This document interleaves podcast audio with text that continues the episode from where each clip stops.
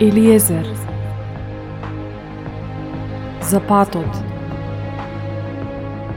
За вистината. За животот.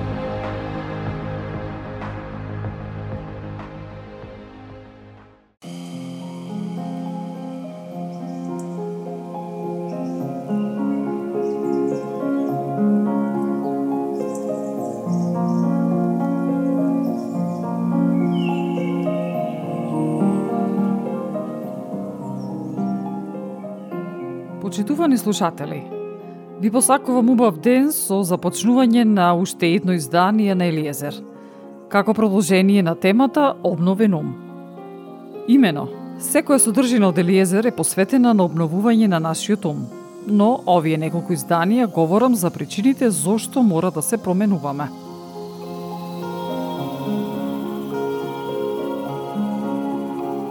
Ние мораме да го промениме начинот на кој мислиме – не смееме да размислуваме исто како што тоа сме го правеле во минатото. Истите постапки носат исти резултати. Откако сме увиделе нашата грешка, зарем ќе продолжиме да ја правиме, како што пишува во послание до Ефесијаните 4.17. А не постапувајте веќе како што постапуваат и другите незнабошци, по суетата на својот ум.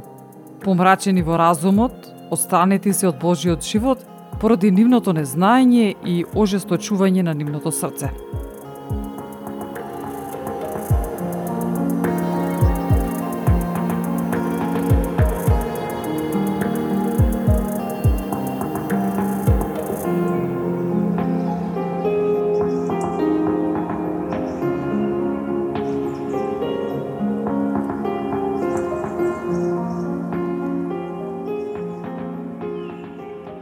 Кога се раѓаме наново, односно кога одлучуваме да живееме по Божите начела.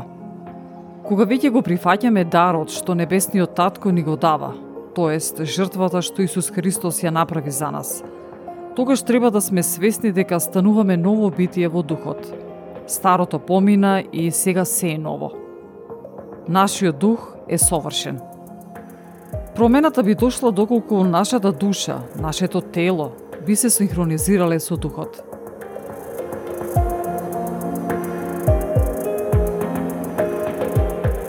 Потребно е да го промениме начинот на кој мислиме. Како ги перцепираме нештата? Бидејќи стариот начин на размислување не вродил со плод. Доколку не размислуваме на вистинскиот начин, тогаш нашето разбирање станува помрачено, страно и оддалечено од животот со Господ Бог – преку нашата игнорантност. Што направи сатаната со Адам и Ева? Ги натера да размислуваат поинаку, погрешно, да се сомневаат во Божијата љубов, во она што се тие, да се побунат против Бога. Веднаш штом нашите мисли не се во согласност со Божиот збор, резултатот е правење грешка. А со тоа би имале проблеми. Многумина од нас се соочуваме со истиот проблем. Сакаме различни резултати, но мислиме исто и се однесуваме исто. Нели во изреки пишува, зашто какви му се мислите на човекот, во душата негова, таков е и тој. Нашиот живот оди во правец по кој одат нашите мисли. Доколку сакаме различни резултати од предходните, не треба само да се молиме или надеваме, или да бараме некој да не промени. Авторитетот го имаме ние.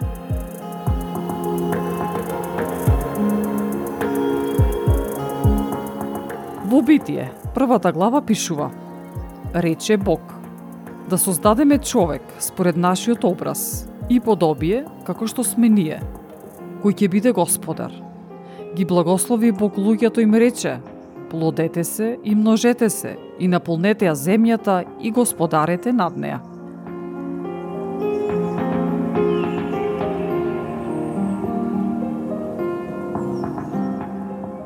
Во Евангелие на Марко напишана е параболата за Царството Божие што Исус им ја кажува на народот, а гласи И почна да поучува покрај морето, и се собра околу него многу народ, Он влезе тогаш во кораб во морето и седеше, а сиот народ стоеше на суво покрај морето. и ги поучуваше многу со параболи и во поуките своим велеше. Слушајте, ете, излезе еден сејач да сее. И се случи, кога сееше, идни зрна да паднат покрај патот, па долета птиците небески и ги исколваа. Други паднаа на каменито место, каде што немаше многу земја, и набргу изникна, оти земјата не беше длабока. А кога изгреа сонцето, тие свена, па како нема корен, се исушија. Некои паднаа во трње, израсна трњето и ги задуши и не дадоа плод. А други паднаа на добра земја и почнаа да даваат плод, што израсна и узреа, и принесоа, кој 30, кој 60, кој 100. И им рече, кој има уши да слуша, нека чуе. А кога остана сам, оние што бе околу него заедно со 12 го прашаа за параболата. И им кажа, Вам ви е дадено да ги знаете тајните на Царството Божио, а оние, надворешните, се ќе им се кажува во параболи, за да гледаат со очи и да не видат, да слушаат со уши и да не разбираат, оти се бојат да не се покајат некогаш, та да им се простат кревовите. Им рече, зар не разбирате ова парабола? Како тогаш ќе ги разберете сите приказни? Сејачот го сее словото. Посеаното покрај патот ги означува оние кај кои се сее словото, но при кои, откако го чујат, веднаш доаѓа сатаната и им го граби словото, посеано во срцата нивни. Исто така, и посеаното на каменито место ги означува оние кои штом го чујат словото, веднаш со радост го примаат. Но немаат во себе корен и се непостојани – па кога настане жалост или гонење заради словото, веднаш се соблазнуваат.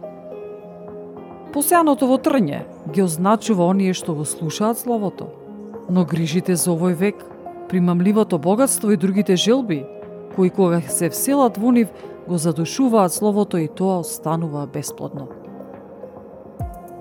А посеаните зрна на добра земја, се оние што го слушаат словото и го примаат и принесуваат плод – Едни 30, други 60, а други 100.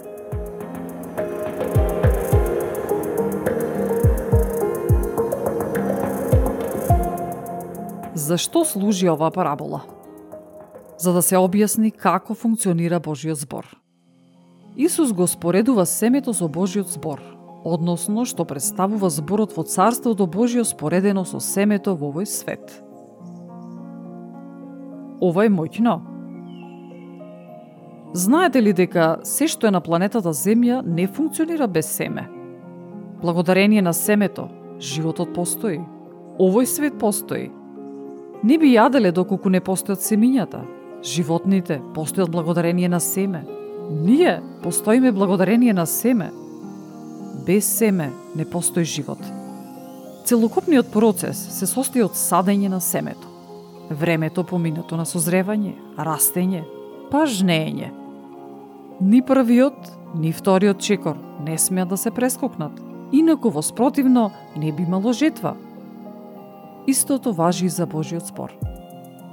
Зборот треба да се посее, па да созре, да фати корен во нашиот дух и на крај да даде плод. Сте погледнале ли фотографии од некои карпести места, во кои според нас не би постоеле шанси да израсне дрво или цвеќе, Но, сепак, семе се протнало во длабините на карпата и замислете, толку мало семе има толкава сила да израсне во дрво, дури и да расцепи камен.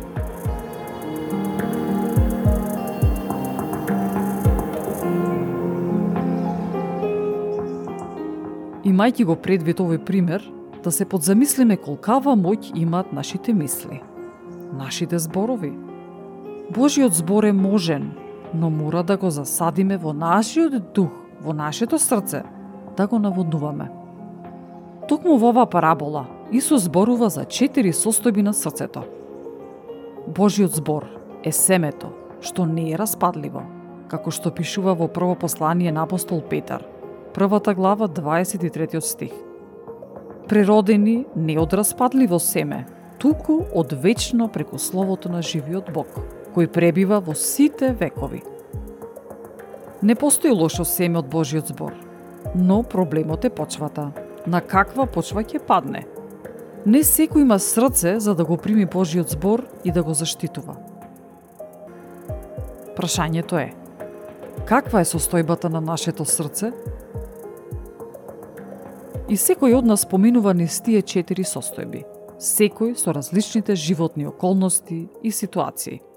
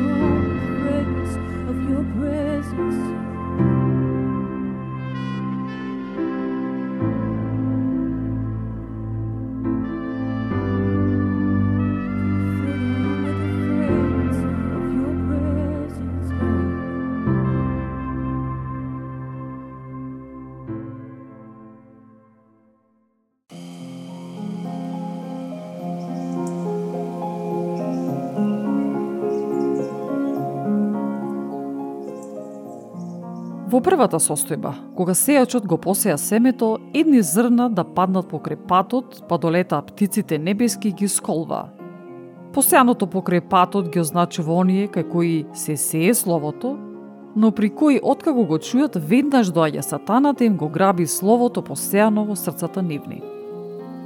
Во овој случај, станува збор за личност кај која зборот воопшто не навлегол во незиното срце зборот не бил воопшто разбран. Доколку личноста не преземе акција за да го обнови умот, секој посеан Божји збор ќе биде лесна мета за јаволот да го краде. Во овој случај, семето нема никакви шанси да навлезе во почвата, односно во срцето.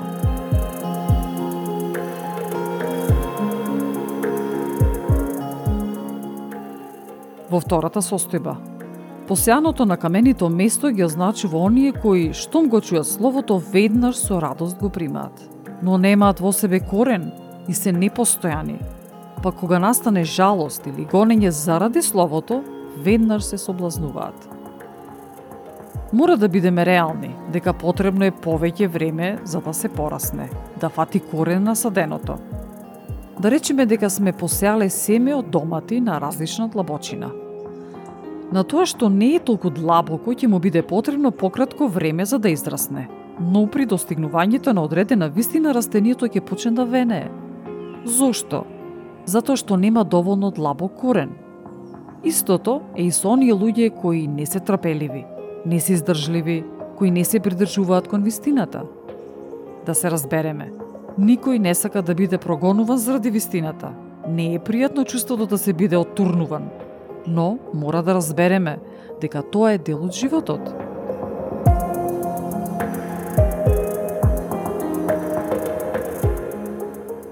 Во третата состојба, односно, посеаното во трње, ги означува оние што го слушаат Словото, но грижите за овој век, примамливото богатство и другите желби, кои кога се вселат во нив го задушуваат Словото и тоа станува бесплодно.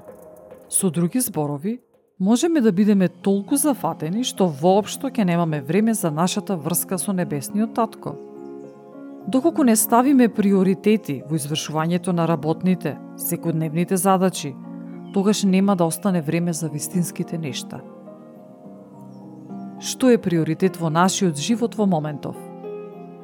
Дали може би поминуваме премногу време на социјалните мрежи, или пак гледање телевизија, или озборување, или обврски околу домот, или што било друго што го зафаќа целокупното наше време?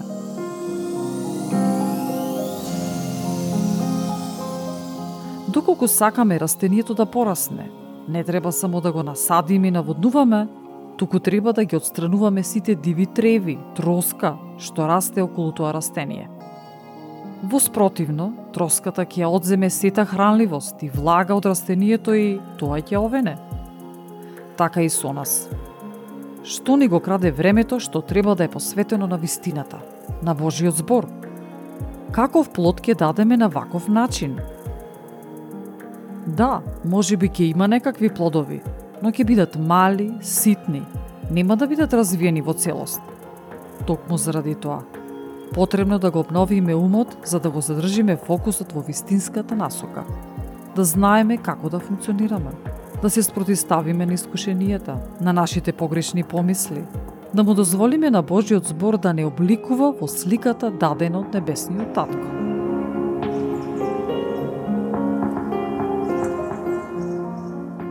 Во четвртата состојба се посјаните зрна на добра земја, а тие се оние што го слушаат словото и го примаат и принесуваат плод. Едни 30, други 60, а други 100. Небесниот татко сака ние да принесуваме плодови и тоа во изобилие. Така не вели Исус Христос. Јас дојдов за да има живот вечен и тоа живот во изобилие. Неговите раце се широм отворени за давање. Од нас зависи колку ќе примиме. Доколку се сеќавате во Малахија 3.10, Господ ни зборува Не ќе ли ви ги отворам небесните брани и не ќе ли излеам врз вас благослов со полна мерка. Се ова зависи од нашата посветеност, желба, истрајност, вера. И да, ќе не чини нешто, тоа со сигурност. Не можеме да бидеме како светот и во исто време како Бог. Не се седи на два стола. Исус Христос вели, Вие не сте од светот, како и јас што не сум од него. Ако не сме од светот, тогаш сме во него, но не сме преокупирани со оној што се случува околу нас. Ние само поминуваме низ него, бидејќи сме граѓани на друг свет. Исто така, во Јован 15 глава Исус зборува – Вие не ме избравте мене, но јас ве избрав вас и ве поставив да одите и да принесувате плод, и вашиот плод да остане. И мојот татко да ви даде се што ќе посакате во моје име. Ова ви заповедам. Да се љубите еден со друг. Ако светот ве мрази, знајте дека мене ме мразеше пред вас. Ако бевте од овој свет, светот би ги љубел своите. Но бидејќи не сте од светов, туку јас ве избрав од светот. Затоа светот ве мрази.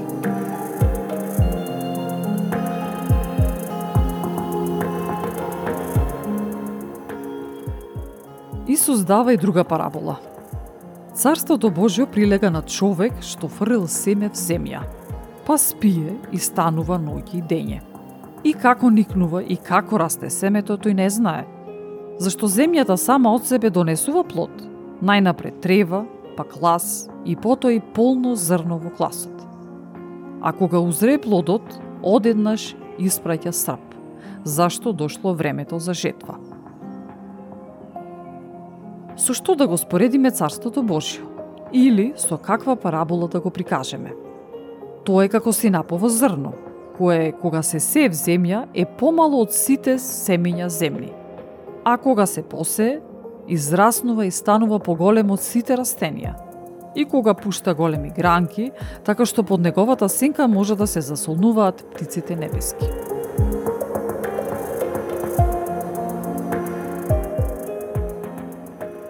Божиот збор е семето.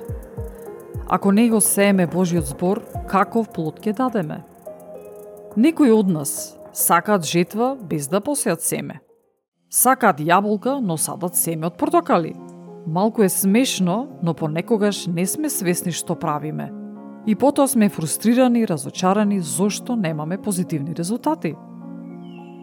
Во послание на апостол Јаков пишува – но кој ќе се задлабочи во совршениот закон на слободата и остане во него, тој, бидејќи е незаборавлив слушател, туку извршител на делото, ќе биде блажен во своето делување. Дали веруваме во ова? Доколку не постои вера, дискутирањето е напразно. Со верата ја испуштаме моќта што ја има во семето. Земјата, почвата е нашето срце. Ако посеме страв, да бидеме сигурни дека тој страв ќе расте и ќе се зголемува. На се што се фокусираме ќе расте. Тоа треба да ни биде јасно. Абсурдно е да сееме во нашето срце семе на зло кон ближниот, а да очекуваме љубов и разбирање. Позната е поговорката која потекнува Светото писмо. Тоа што сееш, тоа и ќе жнееш.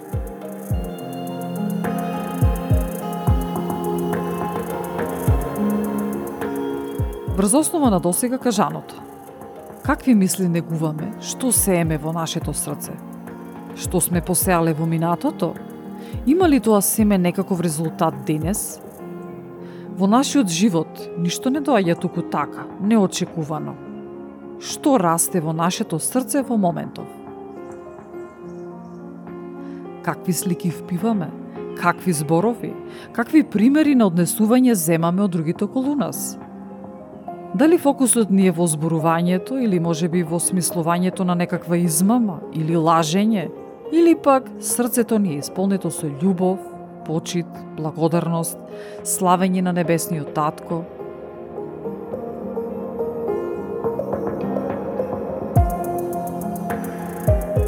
Сите сакаме брзи, инстант резултати. Ке истрачаме некој километар и ете, сакаме да имаме кондиција – Не функционира тоа така. Па за брзо ќе се откажеме и ќе речеме дека се е залудно.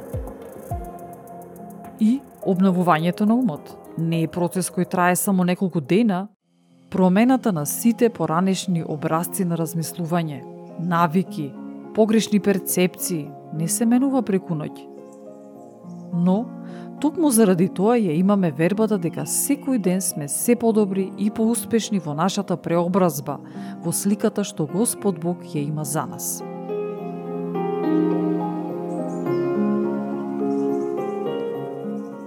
Божиот збор е жив. Потребно да го декларираме, да го изговараме, да го насадиме во нашето срце, да го одржуваме и да бидеме сигурни дека ќе донесе плод но мора да бидеме свесни дека имаме непријател, кој не го сака Божиот збор, не ја сака вистината, не сака да не види успешни, здрави, просперитетни, благословени, не сака да искусиме Божијата љубов. Дјаволот не мрази И се ќе направи само ние да бидеме подалеку од Божиот збор. Подалеку да бидеме од промената. Се ќе стори, за да не ни остане време да обрнеме внимание на вистината ќе ни дава лажна представа за нештата, ќе не лаже, ќе ни дава непотребни обврски, лажна забава, ќе не едуцира со погрешни вистини, ќе ни го представува гревот како да не е нешто посебно. Штом ке сакаме да посветиме време на молитва или откривање на суштината на Божиот збор, ќе ни се приспие, ќе добиеме телефонски повик и какви не други случаи. Дали сме подготвени за нашата промена?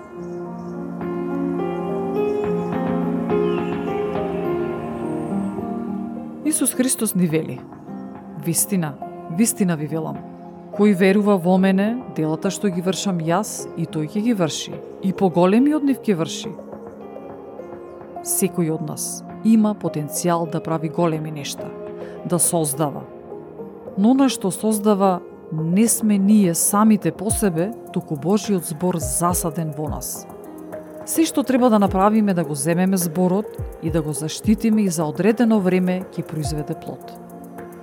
Господ Бог вели, Словото што излегува од мојата уста не се враќа при мене без плод, туку го прави она што го сакав и ќе го изврши она заради кое го испратив.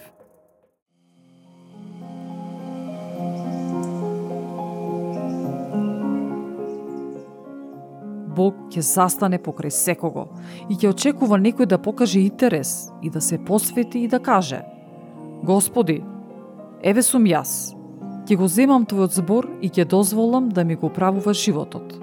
Ќе доминирам над моите емоции, ќе доминирам над моето мислење и над се со твојот збор. Бог бара таков човек. Дали би сакал? Дали би сакала да бидеш тој човек?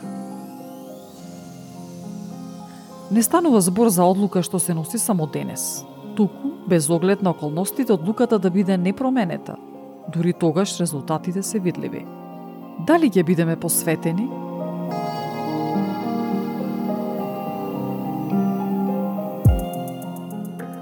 Почитувани, посакувам духот на вистината, светиот дух, да ве упати во сета вистина. Секој утро да ве подсетува на донесената одлука да се промените – да не се управувате според овој век, туку да се трансформирате преку вашиот обновен ум, за да можете да познавате која е добрата, угодна и совршена Божја воља.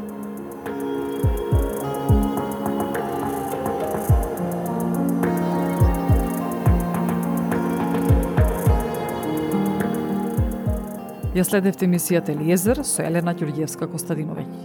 Под покровителство и во соработка со Господ Исус Христос и Светиот Дух.